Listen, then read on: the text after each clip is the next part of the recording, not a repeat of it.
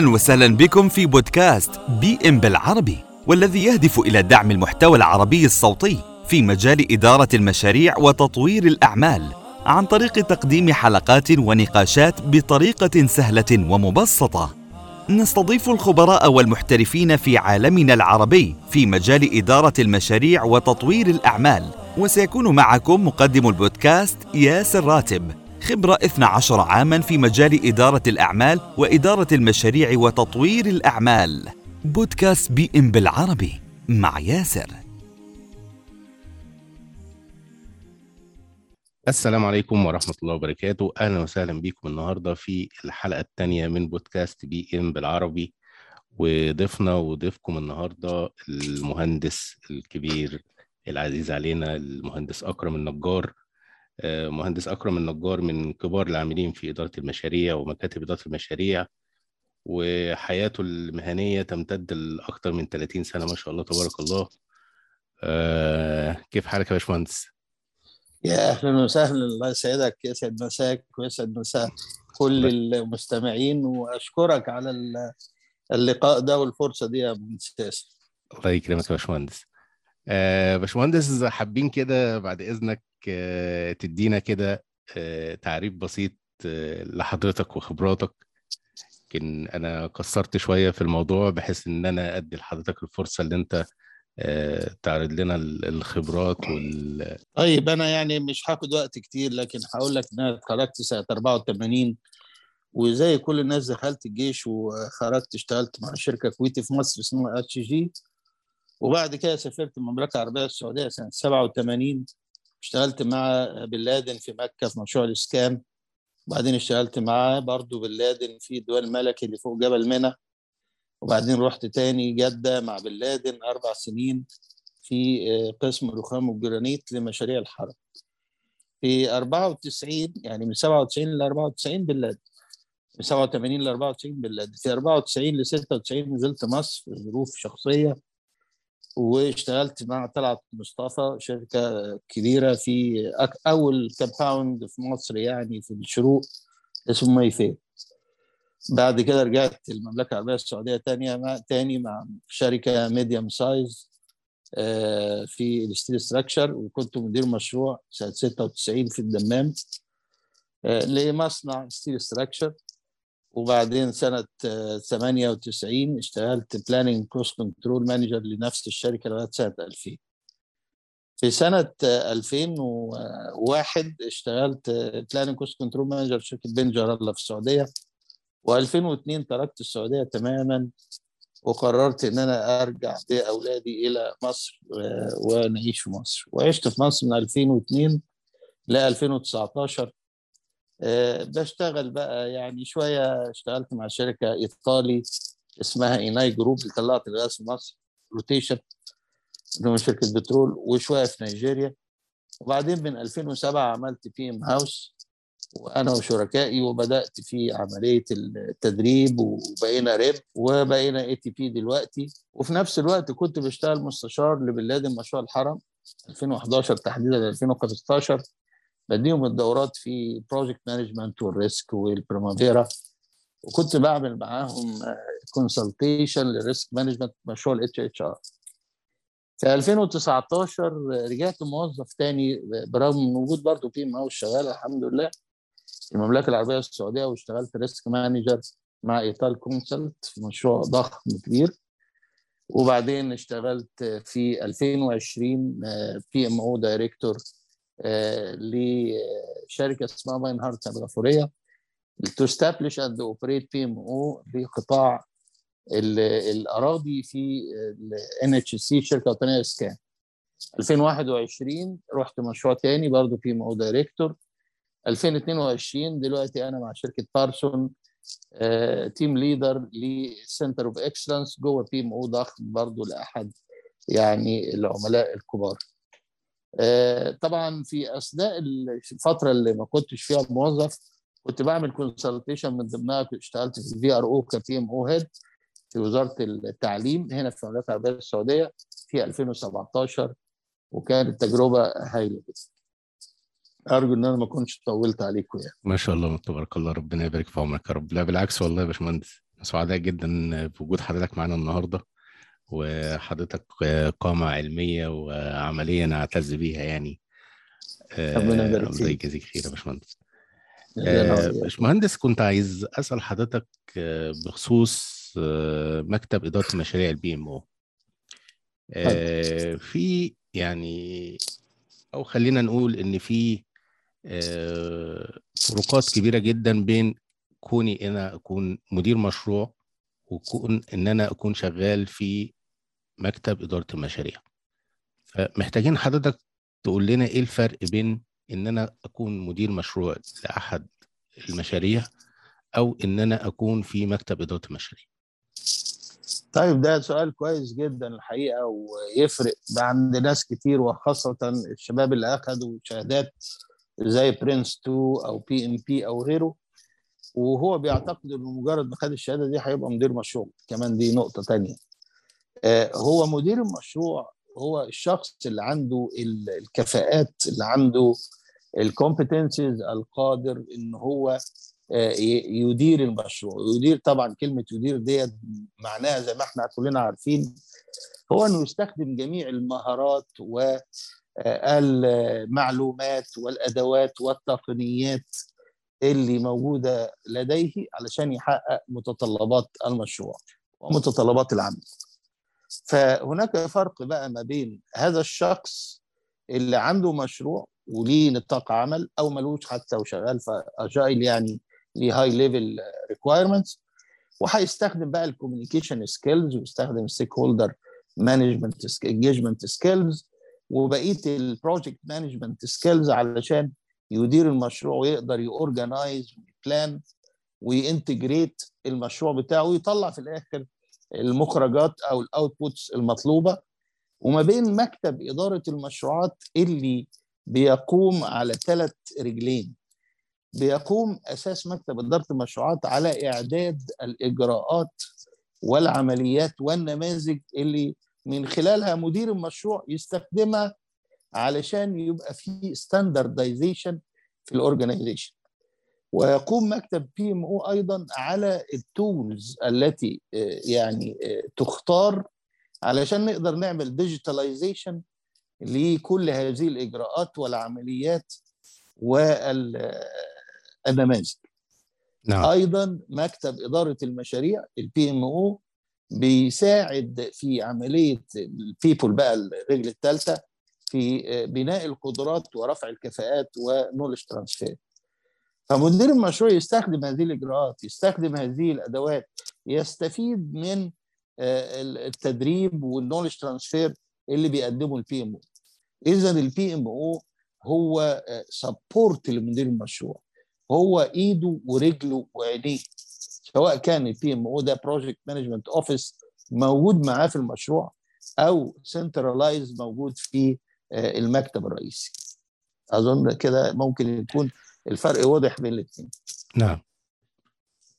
طيب من من خلال آه، تجارب حضرتك في آه، مكاتب إدارة المشاريع إحنا بنلاقي إن من أحد آه، الأسباب اللي بتؤدي إلى فشل بعض مكاتب إدارة المشاريع هي ضعف الدعم المقدم من الإدارة العليا أو إن هم ما عندهمش إيمان بالفكرة أو إن المكتب ما نجحش إن هو يوصل إيه المنفعة من تأسيسه. إزاي نتخطى الموضوع ده ده؟ كلام جميل جدا. ده كلام جميل جدا. بص يا باشمهندس ياسر ال PMO هو ثقافة جديدة في المنطقة. يعني لو شفت كده في المملكة العربية السعودية متى بدأت ال PMO في الوزارات يعني والهيئات وكده. طبعا عارف PMO عند الناس بتوع ال IT ال function وال service بتاعته موجودة من زمان. نعم. لكن آه، لو رجعنا كده بالتاريخ هنلاقي ال PMO في المملكة العربية السعودية بدأ مع رؤية 2030 وأنا شرفت إن أنا أشتغل PMO head زي ما قلت في البداية مع ال VRO مكتب تحقيق الرؤية vision realization office في وزارة التعليم وهو أحد المكاتب في الوزارات اللي بيكون آه، يعني دوره الأساسي نشر هذه الثقافة علشان زي ما قلنا نحقق الثلاث حاجات اللي بي بي بي بيعملهم ال PMO تعالى بقى أنت النهارده في أي نظام جديد أو أي ثقافة جديدة آه، الموضوع محتاج معاها change management ولذلك ال VRO في أي وزارة من الوزارات يتكون من ثلاث مكاتب أساسية. يتكون من مكتب ال PMO البروجكت مانجمنت اوفيس أو تقدر تقول ال portfolio و program project management office ومن ال SMO strategic management office واحدا بيدمجوهم مع بعض. والمكتب ثالث هام جدا بيغفل عنه كثير من الناس وهو ال CMO change management office ال mandate اللي جاي من الإدارة العليا في البلد جاي كده جاي بالثلاث مكاتب دول زائد ال supporting offices الأخرى اللي زي المالية وال HR فهم عارفين كويس قوي إن الناس اللي حطوا الرؤية واشتغلوا عليها إن الموضوع موضوع ثقافة جديدة. فهذه الثقافة الجديدة لا يمكن إن أنت تغيرها وإن أنت تفعلها إلا إذا كان زي ما أنت بتقول كده في عندك دعم من الإدارة العليا. هنا بقى المشكلة اللي أنا شفتها في خلال الخمس سنين اللي فاتوا في شغلي في البي ام أو من 2017 لغاية النهارده. الحقيقة إن الإدارة العليا قد تكون غير يعني مؤمنة بهذا التغيير أو تكون مؤمنة ولكن مشغوله بالتفاصيل اليومية فما عندهاش وقت للدعم أو تكون غير مؤمنة وبتمثل إن هي مؤمنة. وأنا شفت أنواع بكتير كتير من كده وأنا كان ليا لسه يعني بوست في فيسبوك بقول لو سمحتوا من فضلكم اللي هيشتغل يعني في صاحب قرار وهيكون من ضمن الإدارة العليا اكشفوا عليه يا جماعة. اكشفوا عليه لأن في ناس للأسف في في الشهادات وفي العلم 10 على 10 لكن نفسيا مرضى نفسيا. مرضى صدقني اللي بقول لك عليه دوت أنا شفته بعيني. مرضى نفسيا وعندهم يعني سايكوباتيه في تعذيب البشر. هو مش في دماغه إن هو يشتغل فيهم هو ولا غيره. هو عايز يحافظ على الكورس بتاعه بس.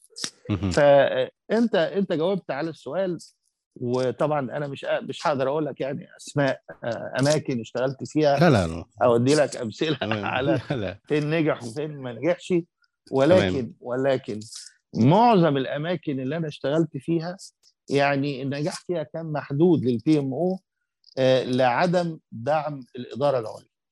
أو أو إن الإدارة العليا للأسف بيبقى عندها لا زال العمل بالتكنو management ال micromanagement أنا آسف. ال micromanagement يعني هو CEO ومع مهم. ذلك عايز يخش في كل تفصيلة وصغيره وكبيرة. فده طبعا بيعوق العمل وما ما هوش ابدا بيساعد على تغيير ال culture. رب أكون وضحت ال- الإجابة. لا جميل جدا يا باشمهندس. اتفضل. آه، أنا دلوقتي يا باشمهندس صاحب شركة. أو جهة معينة. وعندي سيناريو من الاثنين لا إما يكون عندي PMO أو ما يكونش عندي PMO. في حالة إن أنا ما عنديش PMO محتاج إن أنا أجيب شركة استشارية هي اللي تعمل لي الموضوع ولا ممكن مدير مكتب إدارة المشاريع هو اللي يكون مسؤول عن التأسيس والتشغيل والتصميم والحاجات دي. كويس قوي السؤال ده. طبعا على حسب حجم الشركة والبادجت بتاعتها المحطوطة لهذا الأمر. فلو قلنا إن هذه الشركة صغيرة وما عندهاش بادجت يبقى هتضطر إن هي تعتمد على الشخص اللي أنت قلته وتديله ال role and responsibilities بتاعة ال PMO وهنا أنا بكلمك على portfolio, program, project management office ليه؟ أصل ال portfolio هيساعد ال organization في إن هم يعملوا ال business case ويختاروا المشاريع يعملوا business case المشاريع ويختاروا المشاريع اللي هتحقق أهدافهم الاستراتيجية. عارف أنت زمان كان في position اسمه business developer اللي هو آه، تط... واحد نعم. مدير تطوير الأعمال. مطور أعمال نعم. آه، مطور أعمال ده هو هو تقريبا ال- ال portfolio manager هو اللي بيعرف إزاي إيه الأهداف والخطة الاستراتيجية اللي موجودة في الشركة؟ وإيه المبادرات والمشاريع اللي هتحقق هذه الأهداف؟ ويبتدي يوجه ال- الناس بتوع التسعير إذا كانوا شركة مقاولات أو الناس بتوع الدراسات إذا كانوا شركة آه، تطوير أو غيره. يعني مالك إن هم يبدأوا أو يدخلوا في المشاريع اللي تحقق هذه الأهداف. فهو الراجل بتاع ال portfolio بتاع ال business developer ده هو اللي ممكن تطويره ان هو يكون ال portfolio manager وأما مدير إدارة المشاريع ده المنفذ. ده ممكن تطويره إن هو يكون ال program and project management office لأن إحنا ما ينفعش نقول إن عندنا program office أو project management office وما يكونش عندنا portfolio ده الأصل هو ال portfolio لأن ال organization بتقوم على ال portfolio بتقوم على المكتب اللي بيقول إيه المشاريع اللي تصلح إن إحنا ناخدها الصحيحة اللي هتحقق الأهداف الاستراتيجية وتجيب لي return of investment فده اللي لازم يكون permanent office موجود على طول. بينما مكتب إدارة المشاريع لن يتواجد إلا إذا كان في مشاريع. وأنا ممكن أكون شركة عندي business as عندي تسويق ومبيعات وعمليات. لكن في بعض الأحيان بعمل مشاريع عشان أطور من ال business as usual عشان أفتح خط آه، إنتاج جديد عشان أفتح آه، مكاتب جديدة. في هذه الحالة فقط هحتاج ال PMO ال project management office اذا الأصل يا باشمهندس ياسر إن ال organization يكون عندها ال portfolio management office وبعد كده لو تواجدت مشاريع يكون عندها ال project management office اللي إحنا بنقول عليه إن هو يعني آه، مش دائم. ده temporary نعم. نرجع نرجع للسؤال تاني. انت بتسأل إن هو هل يمكن إن مدير المشاريع هو يقوم بهذا الدور؟ على حسب زي ما قلت لك. لو كان ال ال الشركة صغيرة هنلبس مدير المشاريع وهنلبس ال business developer الدورين دول. لو شركة medium size يبقى هنجيب حد بقى ويجيب team ونعمل design ب يعني عدد أكبر. طب افرض إن أنا دلوقتي صاحب الشركة ولا مجلس إدارة مش مقتنع ما عندهمش الثقافة إن ال portfolio, program, project management office دي حاجة مهمة. أنا ممكن أ challenge them بإني أدي ال role and responsibility لواحد هو اللي يقود وليكن ال portfolio manager ومعاه ال project management اللي هو مدير إدارة المشاريع. وبعد كده نستخدم ال resources اللي موجودة virtually وده أحد أنواع ال- المكاتب اللي موجودة على حسب P3O ال UK standard ال virtual PMO أو ال virtual P3O هو نعم. صحيح في في في يعني هنا condition مهم قوي إن ال virtual P3O يجب أن يتواجد في بيئة mature في إدارة المشروعات. لكن آه، أنا ب challenge أي حد إن أنا ممكن أشغل P3O بناس يكونوا موجودين في وظائفهم ويشتغلوا معايا part time وأنا ابقى قائد هذه ال P3O وما كلفش الشركة تكلفة زيادة. لغاية أما تعمل طبعا إنجازات ويبان إن أنت آه والله ده إحنا محتاجين نزود حد هنا عشان يشتغل على ال reporting وال dashboard آه ده إحنا محتاجين نزود واحد هنا عشان يشتغل على ال risk management and so on فهي القصة هتكون كده. آه وإجابة على سؤالك تاني أيوه نقدر إن إحنا آه ندي ال role and responsibility بتاع ال portfolio لل business developer وندي ال role and responsibility بتاع ال project وال program management office لمدير إدارة المشاريع. ممتاز جدا يا باشمهندس. ربنا يبارك في عمرك يا. رب. آه، باشمهندس زي ما حضرتك آه، عارف وحضرتك أستاذنا إن في ثلاث يمكن خلينا نقول على حسب ال PMI يعني هم حددوا الثلاث أنواع مكاتب إدارة المشاريع اللي هو النوع الداعم والنوع الثاني المتحكم والنوع الثاني الموجه. آه، مين اللي بيحدد الأدوار دي يا باشمهندس؟ هو شوف الحقيقة دي مش أنواع في مدى التحكم مدى الكنترول اللي يكون في مكاتب إدارة المشاريع لكن مكاتب إدارة المشاريع نعم. لو قعدت قعدت عملت توافيق وتباديل كده هتلاقي فيه 15 16 نوع لو رجعت للمهندس وليد بسيوني كان عنده آه، فيديو في هذه الأنواع لو رجعت لكتاب آه، المهندس تركي النمر كان عنده برضو آه، باع في عدة أنواع كتيرة. لأن آه. أنت بتعمل تباديل وتوافيق ما بين المكتب الاستراتيجي والمكتب اللي بيكون على مستوى الإدارة الواحدة المكتب اللي على مستوى القطاع الواحد المكتب اللي على مستوى البرنامج المكتب على مستوى المشروع. وكل نوع من هذه الأنواع بيكون داعم أو supporting أو controlling أو directing فهي القصة آه، قصة إن هو آه، نختار يا ترى المكتب بتاعنا يكون supporting ولا يكون controlling ولا يكون directing دي بتبقى سياسة الشركة. يعني مجلس الإدارة اللي بيحكم بيقول والله أنا عايز مكتب إدارة المشاريع يكون فقط consultancy يعني وكأنه center of excellence دائم. يعمل لي الثلاث حاجات الأساسية اللي أنا قلتها ال people وال process وال tool ويبقى repository للمعلومات ويدرب الناس على كيفية إيه استخدامها. وبس.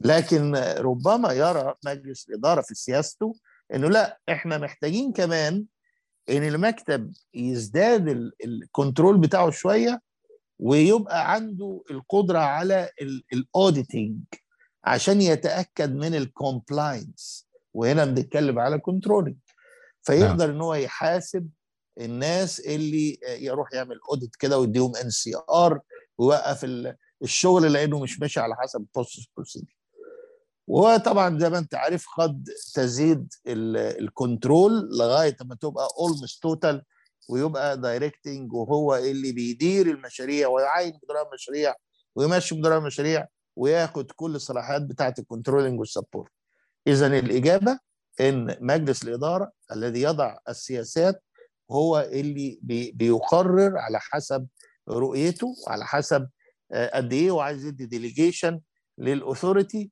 لمكتب إدارة المشروع. تمام؟ تمام ربنا يبارك في عمرك يا رب يا باشمهندس. أهلا بيك. باشمهندس بنسمع كتير جدا عن مصطلح موضوع اسمه العائد على الاستثمار. آه. عايزين نعرف العائد على الاستثمار لتأسيس مكاتب إدارة المشاريع. أنا كنت عامل case study للعائد على الاستثمار لاستخدام ال digitalization بتاعه آه، مكتب إدارة مشروعات لأحد القطاعات آه، اللي إحنا كنا كنت PMO director ليهم في سنة 2021 يعني مش للمكتب ككل لأ ده بس مجرد إن أنت تعمل digitalization باستخدام ال Unifier فده هيؤدي إلى ال cost reduction بنسبة على ما أتذكر كانت 6 أو 7% ليه بقى؟ لأنك أنت بمنتهى البساطة لما هتشتغل بشكل digital هتقدر إن أنت آه، تعرف ال process متعطلة فين وتاخد اكشن سريع وتعمل الشغلانة بطريقة صحيحة من أول مرة مش هتقعد بقى تبعت ورقة ويجي لك revision وتتعطل. فأنت هتوفر وقت وهتوفر مجهود وبالتالي هيكون ال quality أعلى. فأنا اديتك دلوقتي هي لازم تعمل دراسة طبعا. دراسات معمولة نعم. في أماكن كتيرة. لكن أنا اديتك مثال على دراسة كانت عندي أنا كنا عاملينها مع أحد الشركات اللي يعني Oracle partner علشان نقنع العميل إن ده هيوفر له في كل سنة مبلغ قد كذا. طبعا نعم الناس بتخاف يعني يقول لك وأنا لما أشتغل PMO وأعمل digitalization و automation يبقى أنا هروح. آه، على فكرة آه. يعني إحنا هنقلل فعلا من عدد الموظفين اللي بيبقوا كتير جدا وعاملين overhead على الشركات. بينما إذا اشتغلنا ب standardization و automation و digitalization هنوفر كمان من الناس هنوفر من ال cost ودي يعني حقيقة صادمة. كتير من. الناس بيرى إن ده طبعا لا إحنا عايزين نشغل ناس مش عايزين نقلل الناس. لا هتقلل الناس. لو نعم. أنت هتشتغل PMO صح وتعمل له digitalization يبقى عندك تحول رقمي آه طبعا هتقلل الاعتماد على عدد البشر. نعم. اتفضل. طيب خلينا يا باشمهندس نقول إن أكيد آه، في تحديات آه، بتقابل المنظمات أو الاستشاريين في تأسيس مكاتب إدارة المشاريع في الجهات. حابب إن حضرتك تقول لنا بعض التحديات دي وإزاي قدرت تتغلب عليها. الحقيقة يا باشمهندس ياسر هو تحدي واحد وأنا ما قدرتش أتغلب عليه. التحدي الأساسي هو الدماغ البني آدم. لو البني آدم اللي عنده آه، مش بس اللي عنده السلطة واتخاذ القرار إحنا قلنا آه إن مهم جدا الكالتشر وتغييرها وإن يكون في دعم من صاحب الصلاحية. لكن لو في دعم من صاحب الصلاحية والموظف مش عايز. وال middle management يقول لك إحنا عند تدريب إيه؟ أنتوا لسه هتدربونا. و Unifier إيه وبتاع إيه؟ ما إحنا قاعدين ومشغولين. بلاش كلام فاضي. ده. أنا بقول لك كلام سمعته في أكتر من مكان. وهو ده غالب الحال للأسف يعني. فأنت محتاج تغيير نفض للدماغ. عشان كده أنا شخصيا يعني كل سنة بقرر إني أرجع تاني للتدريب. وأترك العمل الميداني لأن في الحقيقة أنت محتاج صنفرة الدماغ تغيير ال culture. وتغيير ال culture ما هيجي ابدا إلا بالتعلم والتدريب. ناس تتعلم تفهم. أول ما تتعلم وتفهم هتعرف إن ال PMO ده إيده ورجله. هيفهم إن البي ام أو ده يعني اختراع. حاجة فعلا تنظم له شغله وتخلي له ال- الشغل بتاعه يخلص وقت أقل بتكلفة أقل بشكل منظم أكتر. نعم فهو التحدي الوحيد يا باشمهندس ياسر البني آدم الدماغ. آه الأستاذ تركي النمر في كتاب دليلك لتأسيس مكتب إدارة المشاريع ال PMO ذكر آه، في ده. آه عن موضوع آه المكتب إدارة المشاريع بين النجاح والفشل إن من ضمن العوامل الفشل مكاتب إدارة المشاريع ضعف عملية التسويق للمكتب. أنا كمدير مكتب إدارة مشاريع أو كتيم موجود في مكتب إدارة المشاريع إيه المطالب مننا تجاه زملائنا الموجودين؟ في نفس المؤسسة أو في نفس الشركة اللي إحنا شغالين فيها عشان نقدر نبين لهم القيمة اللي هيقدمها المكتب.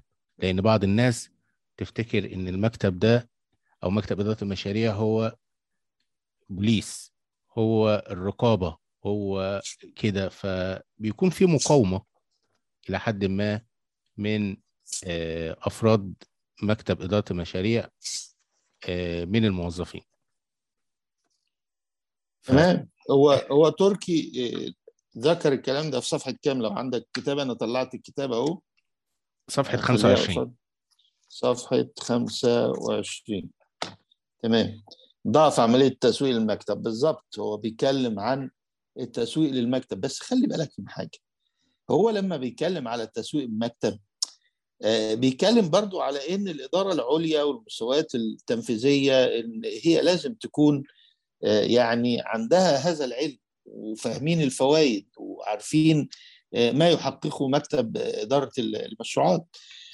فأنت في الآخر هترجع تاني وتقول إن علشان أقدر أسوق للمكتب لازم حاجتين. لازم يكون عندي دعم من الإدارة العليا ولازم يكون آه، مش بس دعم الاداره العليا لازم يكون عندي اهتمام بتغيير الدماغ. ولذلك حتى هو في الصفحة اللي بعدها على طول هتبص هتلاقي كاتب ضعف إدارة التغيير. هو يعني إدارة نعم. التغيير أنا أنا بشوفها هي آه، يعني تجب كل ال ال الكلام اللي هو كاتبه من أول صفحة آه، 22 لغاية صفحة 25 يعني في الحقيقة لو ما فيش إدارة تغيير بشكل يكون ممنهج وله أسلوب وبدعم من الإدارة العليا انسى الموضوع. ولا هتعرف تسوق ولا هتعرف تقنع الأطراف ذات العلاقة زي ما هو كاتب ولا هتعرف تعمل أي حاجة من الكلام ده. لو ما عندكش ناس آه، بتعلم الآخرين وتفهمهم وتحط لهم كده المعلومة في بقهم بالمعلقة إن اللي حضرتك هتعرفه ده قد إيه هيكون مفيد ليك ولا هتقدر تعمل حاجة. أنا مش عايز أكون متشائم ولكن أنا بدي لك خلاصة خمس سنين شغل في هذا المجال. طيب آه، ده يخلينا ننتقل لموضوع يا باشمهندس موضوع تعارض تعارض المصالح. خليني أقول لحضرتك آه، حاجة معينة. و- ونسقطها على موضوع تعارض المصالح أنا دلوقتي آه، مدير أو رئيس قسم أو آه، في شركة معينة والمفروض إن مكتب إدارة المشاريع ده هو. آه، هي support المشاريع بتاعتي لو تمام. مكتب إدارة المشاريع ده تحتي في ال- الهيكل التنظيمي ال org structure ففي كده في تعارض مصالح. أنا كده مش عارف أشتغل أصلا. أنا كده لا إزاي ما هو أنا أنت هتابع عليه؟ أنت ما انتش جاي تتابع عليا. أنت جاي تتابع ليا. شايف؟ ما هو ده برضه من ضمن ال culture اللي محتاجين إن إحنا نغيرها. نعم. أنا عامل زي ال quality كده زي ما لما ال quality تبقى تحت مدير المشروع ولا فوق مدير المشروع. وال quality جاي مش عشان يبقى superior على مدير المشروع. ال quality جاي علشان يساعد مدير المشروع إنه يعمل حاجة صح من أول مرة. عايزه standard فده إحنا الفهم ما اختلفناش على موضوع المساعدة لكن أنا بتكلم على موضوع إن ممكن في مشكلة معينة في مشروع معين مكتب إدارة المشروع قال رأيه وبعد كده رئيس القسم ده قال رأيه وبعد كده صاحب الشركة قال لك أنا حاسب مكتب إدارة المشاريع لأن مكتب إدارة المشاريع هو المسؤول عن المشاريع ماليش دعوة برئيس القسم. لا أنا السؤال ما ما ما, ما وصليش ممكن طيب. تديني تاني السؤال؟ طيب. أنا دلوقتي يا باشمهندس. مدير مكتب إدارة مشاريع في شركة ما. حلو. وعندي المشاريع اللي أنا شغال فيها دي شغال مشاريع استشارات مثلا. فمشاريع الاستشار... القسم الاستشارات ده ليه رئيس. رئيس قسم. الاستشارات. موجود. تمام؟ ف المفروض إن مكتب إدارة المشاريع ده يبقى تحت رئيس قسم إدارة ال... ال... ال... الرئيس الاستشارات ولا يكون موقعه فين؟ في ال... ال... الهيكل التنظيمي للشركة اللي أنا شغال فيها. لو خليناه فرضا مكتب إدارة المشاريع لل... يبقى تحته هيبقى كده في تعارض مصالح إن هو هيبين إن مشاريعه ماشية تمام وشغلها تمام قدام الإدارة العليا. مع إن ممكن يبقى مدير مكتب إدارة المشاريع له رأي تاني أو شايف في عك بيحصل أو شايف في مشاكل بتحصل أو كده هو مش هيقدر يتكلم لأن التاني مديره المباشر يعني. أنت بتتكلم كده في code of ethics يعني يعني إيه يعني إيه يبقى هو عايز يبين ده أنا عارف إن ده واقع الحال. أنا فاهم كويس إن ده واقع الحال ولكن أنا بقول لك إن هو ده تغيير culture المفروض ما يكونش كده. مم. يعني إيه أنا عايز أبين الشغل بتاعي إن هو كويس بينما هو وحش؟ هو الراجل بقى رئيس قسم يعني بقى وعايز ما أنا فاهم بقى ما أنا يبين نفسه بقى جزء- قدام صاحب الشركة يعني. ما هو ده ده جزء من تغيير ال culture لا المفروض صاحب الشركة يمشي الراجل وي- ويرفده أول ما يلاقي حاجة عنده وحشة ولا المفروض رئيس القسم إن هو أول ما يلاقي حاجة وحشة يحطها في ال في, في زي الرمل زي في, في يعني يدفن راسه زي النعامه في الرمل المفروض يكون في شفافية. أنا بقول نعم. لك المفروض. أنا عارف إن ما فيش لا شفافية ولا ولا بتاع. تمام. أنت أكيد في حاجات هتقصها في ال... لا لا لا ما بنقصش حاجة إحنا خالص. أيوه. لا صحيح. أنا عارف لا في شفافية ولا غيره وده بالعكس ده هو كل اللي في دماغ الناس إزاي إن هو يحمي ظهره وأصل كده هيجي علينا backfire الكلمة دي عقدتني في حياتي والله. كل ما آه. تيجي تقعد مع واحد يا باشمهندس يقول لك إحنا لا لا لا لو عملنا كده هيجي علينا backfire يا عم backfire إيه؟ وأنت قاعد تشتغل في في حرب. ده واقع الحال. لأن مفيش شفافية ولأن مفيش ethic مفيش أخلاقيات المهنة. بيحصل اللي أنت بتقوله ده. وما دام هيحصل اللي أنت بتقوله ده وهنضطر نحط مش عارف مين تحت مين ومين تحت مين علشان سياسة مش عشان best practice هيكون كله إيه؟ عك في عك. فيعني أبشر يعني. فأنت أنت أنت علشان تشتغل best practice يبقى لازم يكون في شفافية ده ال best practice بيقول كده. لازم. يكون في ethic ده ال best practice بيقول كده. لكن لو أنا هاخد بالي بقى في ال... أنا رحت مرة مشروع ولقيتهم عاملين ال org chart ما شاء الله.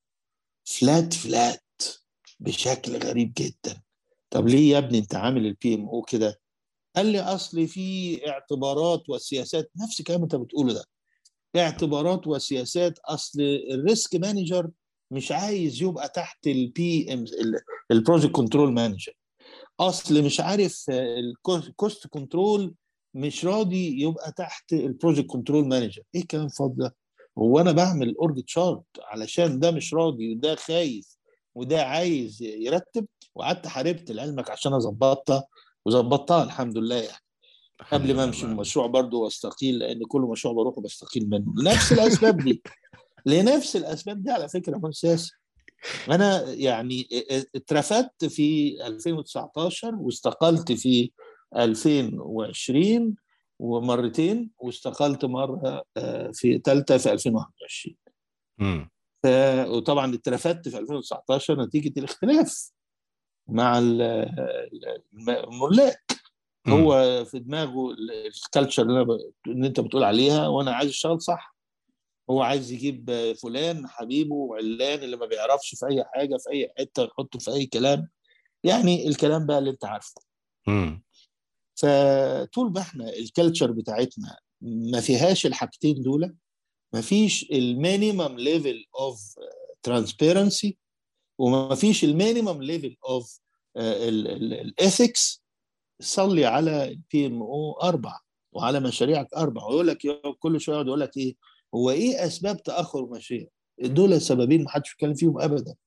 تبقى عارف يعني. كل ما حد يتكلم على أسباب تأخر المشاريع يقعد يقول لك أصل ال PMO مش مطبق أصل آه، ال resource مش عارف إيه اصل كل دي أسباب كويسة صحيحة. ولكن في سببين أساسيين اللي الناس ما بتتكلمش فيهم. أنا بشتغل في project management ما عنديش شفافية. بخبي المعلومة عن زميلي اللي في الإدارة الثانية عشان زميلي ما يضربنيش. ما فيش ethic آه. يبقى يبقى ما فيش minimum ethic ما فيش minimum transparency جو الحروب ده. هيؤدي إلى آه الحروب والعصافير بقى والكلام اللي أنت عارفه ده. هيؤدي إلى تأخر مشاريع وتعثر المشاريع ويقعد يعمل لك بقى شيكاوى ويطلع لك حاجات وأسباب وبتاع ما حدش يتكلم في السببين دول اصل دول سببين أنت أنت طول النهار قاعد في المكاتب بتسمع غيبه ونميمه. وهذه الغيبه ونميمه تؤخر المشاريع فعشان نعم. كده بقول لك الأخلاق أخلاق المهنة والشفافية لازم يكون عندهم في حد أدنى ليهم في بيئة العمل. والا ستؤدي إلى مشاكل كتير يعني مش. عارف إيه اللي دخلنا في المواضيع دي بس أعتقد إنه ليه علاقة بال ال-. إحنا بصراحة ال- الموضوع بتاع يعني آه، اللي أنت أنت أكيد يعني في بيئة العمل سواء أنت في بي إم أو سواء أنت في مدير مشاريع كده الكلام ده كله فأنت بتتعامل مع بشر في الآخر يعني. فالبشر دول مختلفين أصلا في العقلية بتاعتهم في السمات الشخصية بتاعتهم. بعضهم نرجسي بعضهم شايف نفسه بعضهم أنا وأنا وأنا بعضهم كذا وكذا وكذا. فبصراحة يعني مجال المشاريع ده يعني الواحد لو طلع منه سليم بعد عمر طويل يعني فده أنا ربنا يديك الصحة وطولة العمر أنا أنا بحس إن هو إنجاز بصراحة يعني يا باشمهندس. يعني والله يا باشمهندس هو ال- اللي الواحد بيشوفه يعني. القصة هو التعامل مع عدد كبير من البشر. زي ما أنت قلت كده البشر مختلفين في الشخصيات وفي المعتقدات وفي الأخلاق ولذلك التعامل مع هذا الكم من البشر في المشاريع آه، بيعمل آه، عاهات وأمراض. ولعلمك يعني يعني هتلاقي فيه statistics عن مدير المشروع في في ال Middle East. أكتر واحد بيجي له أمراض هو مدير المشروع في ال Middle East على فكرة. نعم. يعني لأن مدير المشروع under stress طول الوقت. under stress من كل الجهات شغلانة آه، يعني ربنا ما يعلم بيها. الله المستعان ربنا يعين. طيب. باشمهندس أنا دلوقتي مدير مشروع. أو مدير. senior project manager مثلا أو كده وعايز أنتقل إلى ال field بتاع مكتب إدارة المشاريع. أبدأ إزاي؟ آه. هو شوف السؤال ده دايما بيجي لي من الشباب اللي بيسألوني على الفيسبوك. على فكرة أنت عارف طبعا عندي صفحة على الفيسبوك وبيخشوا يسألوا على ماسنجر نعم نعم. أسئلة كتيرة. يقول أنا عايز أعمل career shift أنا النهارده بقى عندي 10 سنين خبرة. وبقيت مدير مشروع وبشتغل وعايز أدخل في مجال البي ام أو الحقيقة أي مجال عايز تخش فيه من وجهة نظري بتحتاج حاجتين. الحاجة الأولانية إن يكون عندك الخبرة في هذا المجال. الحاجة الثانية إن يكون عندك العلم في هذا المجال. هتقولي طب خبرة إيه؟ ما أنا عايز أروح عشان يبقى عندي الخبرة. هحط لك بدل أنا الخبرة- عايز أروح عشان آخد الخبرة. بالظبط. هحط لك بدل الخبرة إن حد يدي لك الفرصة. يبقى انت ال- الحاجة الأساسية في المثلث الرهيب ده هو إن يكون عندك النولج أنت واخد بالك؟ يعني أنا مش ما اشتغلتش الشغلانة دي بس على الأقل إيه قريت عنها اتعلمت خدت دورات خدت شهادات فأصبح عندي النولج طيب أصبح عندي نولج بس ما عنديش الخبرة. يبقى لازم حد يدي لك الفرصة. فقصة الفرصة دي طبعا في بلادنا زي ما أنت عارف عملية يعني جميلة جدا بتعتمد على المعارف والأصحاب واللي يدوا لك الفرصة عشان تخش في حاجة ما عندكش خبرة فيها. كل الشركات النهارده بتدور على حد يكون عنده خبرة. ولكن عايز مثلا آه، واحد بيشتغل PMO officer officer ده يعني واحد ثلاث أربع سنين خبرة. آه، ويكون مم. يشتغل على الأقل سنة في ال PMO طب يا عم ال PMO في الدنيا كلها هنا في في ال Middle East في المملكة بقى له كله خمس سنين. مهم. وأنت هتلاقي منين العدد ده؟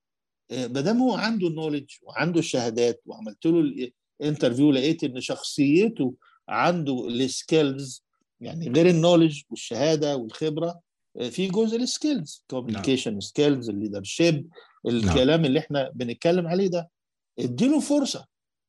وبيضطر في الآخر على فكرة إن هو يديله فرصة عشان يتعلم يعني. فهي الفرصة لو ما طيب عارف أنت ما لقيتش الفرصة تعمل إيه؟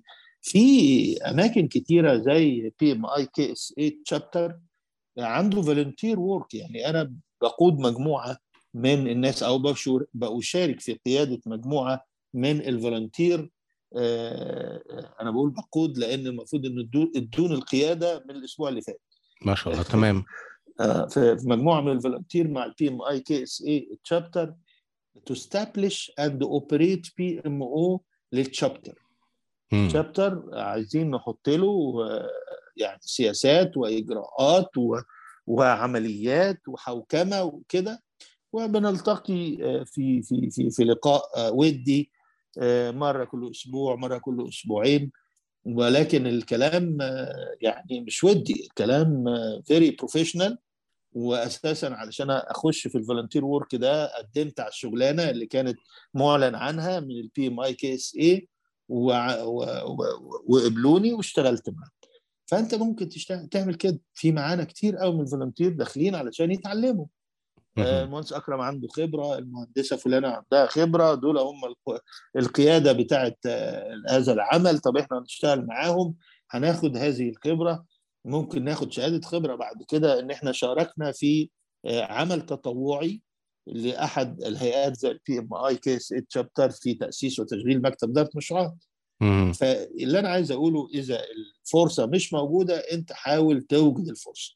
وأديني قلت فكرة من الأفكار وهي ال volunteer نعم. في غير ال volunteer work ممكن تبقى volunteer work بس مش مع organization يعني آه، أخويا وحبيبي المهندس ياسر بيشتغل في PMO ومحتاج حد يدعمه بس ما عندوش budget ومش قادر يدفع له فلوس طب إيه المشكلة اما تديله ساعة ولا ساعتين من وقتك آه، في الأسبوع وتساعده وتبقى. شاركت في عمل ال PMO وأنت ما اشتغلتش PMO قبل كده بعد الظهر كده بالليل وت- وتاخد خبرة وتطلع وبتاع فده برضو آه، يعني آه، وهيدي لك شهادة خبرة برضو فده. برضو حاجة موجودة على فكرة يعني وبنعملها يعني.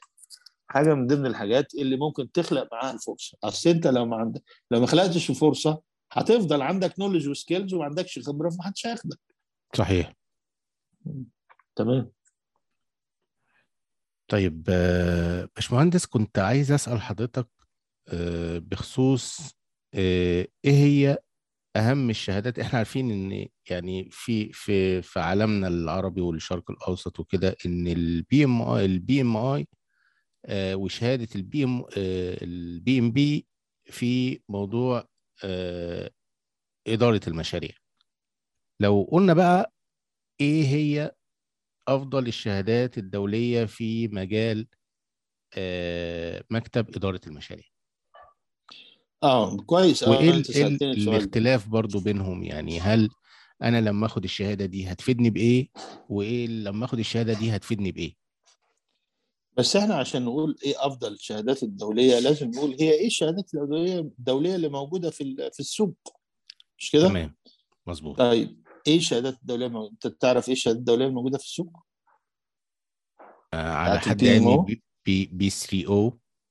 تمام. P3M3 لا P3M3 مش شهادة PMO. P3M3 هي بتبقى consultant علشان تعمل assessment لل organization نعم. تمام. إيه تاني؟ لكن هل هي داخلة في موضوع إدارة مكتب إدارة المشاريع برضو طبعا إحنا أول مرحلة بنعملها وزي ما أنت بدل عندك كتاب بتاع تركي هتلاقي. أول مرحلة بنعملها هو ال assessment ال current. assessment صحيح تمام فأنت ممكن تستخدم هذه الاداه في ال current assessment هو مستخدم ال OPM3 مهم. اللي هي retired ال software بتاعها دلوقتي وحاطط مثال حلو في الآخر يعني على ما أتذكر الكتاب قريته من فترة. ولكن موجود عندي في مكتبتي نعم فاللهم صل على النبي انت الشهادات في الشهادة الم- ال- المشهورة جدا غير ال P3O في شهادة تانية بتاعت ال PMO ICP مش كده اسمها كده ولا إيه؟ هي أعتقد اسمها. ال SPD داخلة في موضوع ال agile شوية يعني لا لا في شهاده نفسها بتاعت ال PMO اسمها PMO CP حاجة كده يعني سي آه ممكن الحقيقة- ممكن صح آه. آه ممكن نعم. اللي هي بتاعت المجموعة اللي كانوا في البرازيل وعملوا كذا شهادة. وفي. شهادة تانية في أمريكا. أنا الحقيقة مش هقدر أقول لك إيه أفضل شهادة فيهم. ليه؟ لأن أنا لم أطلع على الشهادات الأخرى. نعم. ولكن هقول لك إن شهادة P3O شهادة قوية جدا. الكتاب كتاب فيه methodology كاملة تقدر تستخدمها بلا يعني plug and play وتشتغل بيها. وأنا اشتغلت بيها من أول 2017 اتعرفت عليها في ال VRO كان شركة من شركات ال Big Five هم اللي بيعملوا الإجراءات والعمليات والنماذج لل PMO بتاع ال VRO وأنا كنت PMO head من قبل الوزارة. واتعرفت وتعلمت وخدت الشهاده سنتها يعني. 2017 نتيجة مع- معرفتي وتعلمي منهم هذه. هذا ال- ال standard فأنا مش هقدر أقول لك يعني مين الأحسن عشان أنا ما اطلعتش على الآخرين ولكن أقدر أقول لك إن هذه شهادة قوية جدا يكفي إن هي ال standard بتاع بلد زي بريطانيا. إنما الشهادات الأخرى ليست standard لأي بلد.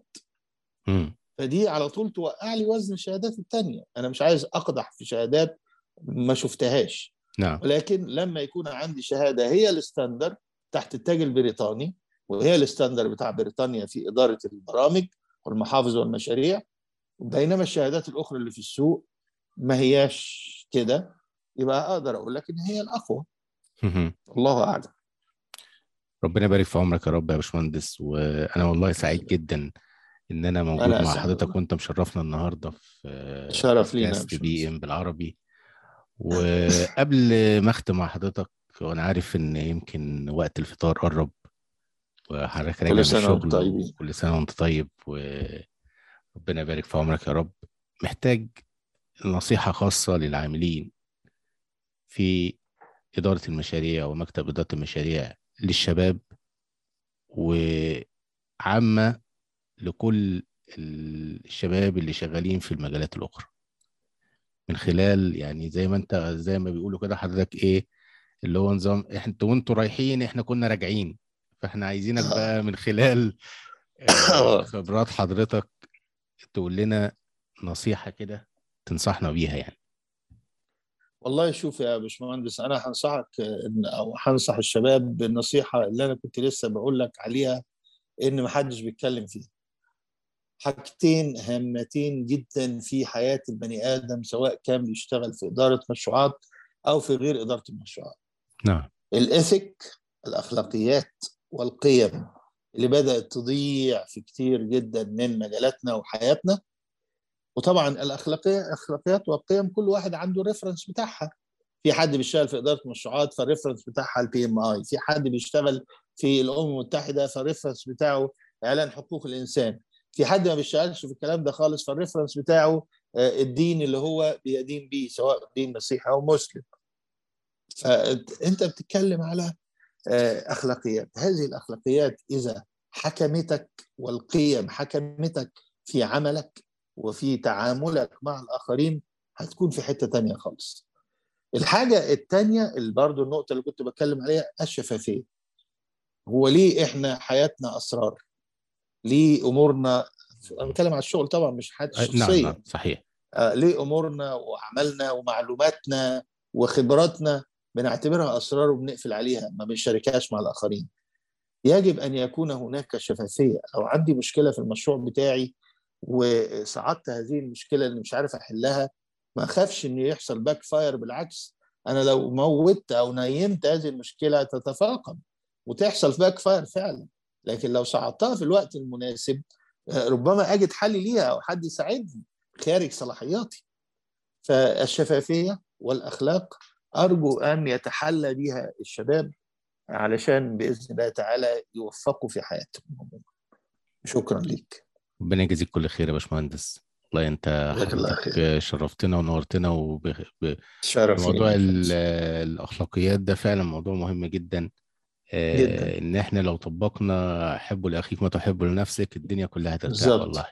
مش هيبقى في عصافير ومش هيبقى في ضرب من ولا تحت لتحت. أي كلام من و...